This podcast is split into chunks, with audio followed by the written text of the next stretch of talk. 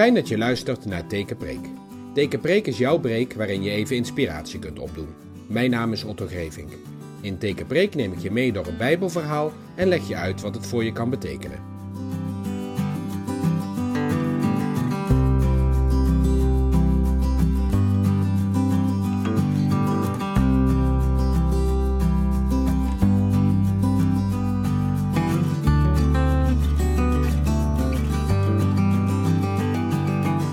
Ik lees je een aantal verzen uit Jacobus 2. Vrienden, jullie geloven in Jezus Christus, onze Heer, die redding brengt. Daarom moeten jullie alle mensen op dezelfde manier behandelen. Stel dat jullie als christenen bij elkaar zijn en dat er dan twee mensen binnenkomen. De een is een rijke man met een prachtige mantel aan en met gouden ringen aan zijn vingers. De ander is arm en draagt vieze, oude kleren. En stel dat jullie dan die rijke man met veel respect behandelen en zeggen: Kijk, hier is een hele mooie plaats voor u, gaat u alstublieft zitten. Maar dat jullie tegen de arme man zeggen: Blijf jij daar maar staan, of ga maar op de grond zitten. Stel dat jullie zoiets doen, dan behandelen jullie de een beter dan de ander, dan beoordelen jullie mensen op een heel verschillende manier. Vrienden, luister. Wie zijn er door God uitgekozen? Juist de mensen die in deze wereld arm genoemd worden. Zij zijn door hun geloof rijk geworden. Gods nieuwe wereld is voor hen. Want God heeft de nieuwe wereld beloofd aan de mensen die van hem houden. Jullie behandelen arme mensen zonder respect. Maar vertel eens, door wie worden jullie onderdrukt? En door wie worden jullie voor de rechter gebracht? Door de rijke mensen. Door wie wordt Jezus Christus beledigd? En door wie worden jullie als christenen belachelijk gemaakt? Door de rijke mensen. Doe wat God in zijn volmaakte wet van je vraagt. Zo staat het in de heilige boeken. Houd evenveel van de mensen om je heen als van jezelf. Als je dat doet, dan leef je goed. Maar als je sommige mensen beter behandelt dan andere mensen, doe je het verkeerd. Dan is het duidelijk dat je je niet aan Gods wet houdt.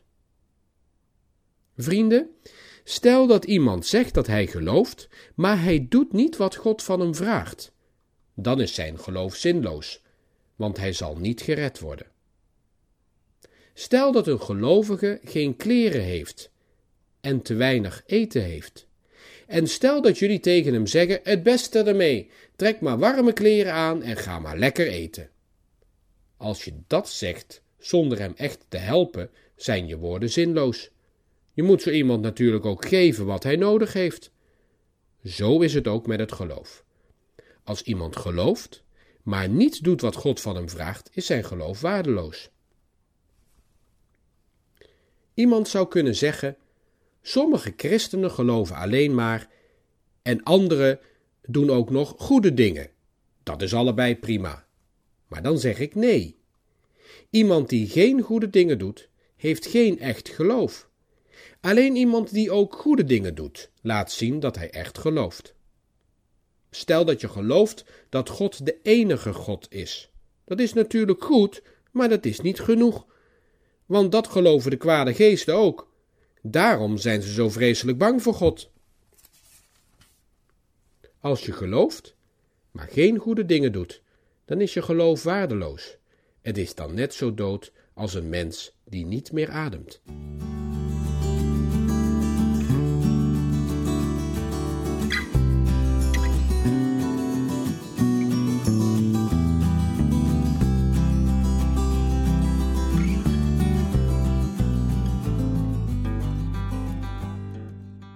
In de vorige podcast ben ik met Jacobus begonnen. Jacobus staat voor een heidens karwei om christenen te bekeren. Het zijn christenen die geen Joodse achtergrond hebben. De apostel Paulus heeft zich veel moeite getroost om hen te winnen voor het christendom, omdat hij het een christenwerk vond om heidenen te bekeren. En zo schreef Paulus specifiek voor hen een aantal brieven die aansloten bij hun niet-Joodse belevingswereld.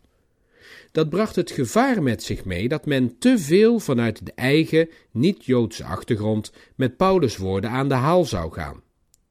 En dat is wat Jacobus ziet gebeuren. Hij is niet tegen Paulus, want Paulus is zelf ook een Jood en een goede bekende van Jacobus. Maar de volgelingen van Paulus gingen op hun eigen wijze met de woorden van Paulus aan de haal. Eenzijdigheden, die altijd in specifieke brieven staan, werden algemeenheden en verdraaid. De nuance verdween, de Joodse wortels afgesneden. Zo zag Jacobus een richting in het christendom ontstaan die zich niets aantrok van de wereld, maar er enkel op gericht was kennis en inzicht van het goddelijke te verwerven. Veel woorden, geen daden. Jacobus, als Jood, stuit dat tegen de borst. In de inleiding zei hij al: Het komt er niet alleen op aan te luisteren, je moet het ook doen. Voor een Jood is dat een vanzelfsprekendheid. Het Hebreeuwse woord voor woord betekent zowel woord als daad. God zei er zij licht en er was licht.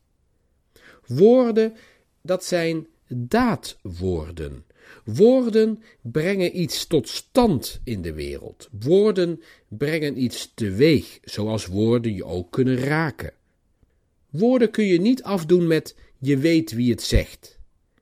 Daar kun je dan simpel op antwoorden: jij weet niet wat jouw woorden doen. Ik wil nu concreter worden. En toen kwam ik erop uit dat ik dat het beste kon doen door je een gelovige te laten ontmoeten aan wie Jacobus schrijft. Dan wordt het geen abstract verhaal. En hij zal je gaan vertellen hoe hij gelooft en hoe hij in de wereld staat. Ik geef aan hem het woord.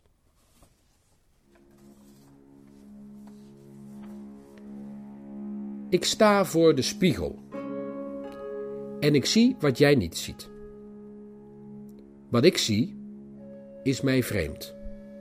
Ja, ik voel het wel, ik proef het, ik beleef het, ik begeer het, maar de wereld is mij vreemd. Mijn lichaam is mij vreemd, alsof ik erin zit opgesloten. Ik zit erin opgesloten. Ik beleid dat Jezus Christus gestorven is en opgestaan en opgevaren ten hemel, weg uit dit aardse bestaan. Ooit zal ik daar ook in delen. Ooit word ik ook verlost uit dit aardse bestaan. Dat ik zie in de spiegel. Het is een wereld die mij vijandig is, die onvolmaakt is, terwijl mijn afkomst en mijn toekomst ten volle volmaakt is, goddelijk. Maar in de tussentijd leef ik in deze wereld. Ze is mij vreemd. De mensen zijn mij vreemd. Daar, aan de andere kant van de spiegel, daar kom ik vandaan. Daar wil ik naartoe. Daar ligt mijn oorsprong en mijn bestemming. Bij God, van wie ik deel uitmaak. Deze wereld heeft daar niets mee te maken. Deze wereld zie ik, maar meer dan dat, ik leef erin. De mensen die ik tegenkom zijn mij vreemd. Ze hebben ook wel hun eigen spiegel en hun goddelijke afkomst, maar hier in deze wereld waarin ik ze tegenkom, heb ik niets met ze. Ik heb niets met jou. Je loopt me in de weg. Je zit naast me in een chockvolle trein. Je neemt ook nog friet met mayo mee. Je irriteert me. Je kucht, je belt. Op de snelweg is de linker rijstrook voor mij. Ik rij 150. En jij haalt met een nette 120 vlak voor ik je passeer in. Ik toeter, ik gebaar. Je zit me in de weg, ik heb geen boodschap aan jou. Mijn geloof zijn woorden over een andere wereld waar ik deel van uitmaak. Ik weet waar ik vandaan kom en waar ik naartoe ga, dat is mijn verlossing. Mijn woorden hebben dus niets met mijn daden te maken zoals dit aardse bestaan, ook niets te maken heeft met de goddelijke wereld waar ik vandaan kom en waar ik naartoe ga. Ik leef dus in twee werelden. In een wereld van woorden, van kennis en inzicht in het goddelijke, de waarheid, en een wereld die niets met die waarheid van doen heeft, die onvolmaakt is en zondig. Aan die zondige wereld heb ik dus ook geen boodschap, want die is mij volstrekt vreemd. En dus heb ik ook geen boodschap aan wetten en regels, waarin je rekening met elkaar probeert te houden. Dat heb ik niet nodig, ook niet voor mijn geloof, want mijn geloof gaat over iets heel anders. Mijn volmaakte afkomst en mijn volmaakte toekomst.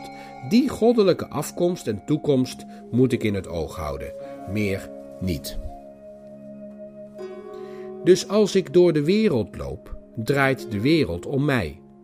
Wat ik zie en beleef is slechts materie die mij ten dienste staat tijdens dit leven, dat ik noodgedwongen moet leven. Zo kijk ik dus ook naar mensen, naar jou. Als jij mooi bent of belangrijk, dan heb je bij mij een streepje voor. Je doet me goed. Ben je lelijk of gebrekkig zonder enige status, blijf uit mijn buurt, je loopt me in de weg. Ik heb niets met jou om wie je bent. Ik ben zonder mededogen. Ik heb alleen iets met jou om wat je kunt zijn voor mij. Ik vind dus van alles van jou, want je bent materie voor me waarover ik kan oordelen, omdat ik er in wezen geen deel van uitmaak. En wat je van mij vindt, dat zal me worst zijn. Ik ken de waarheid.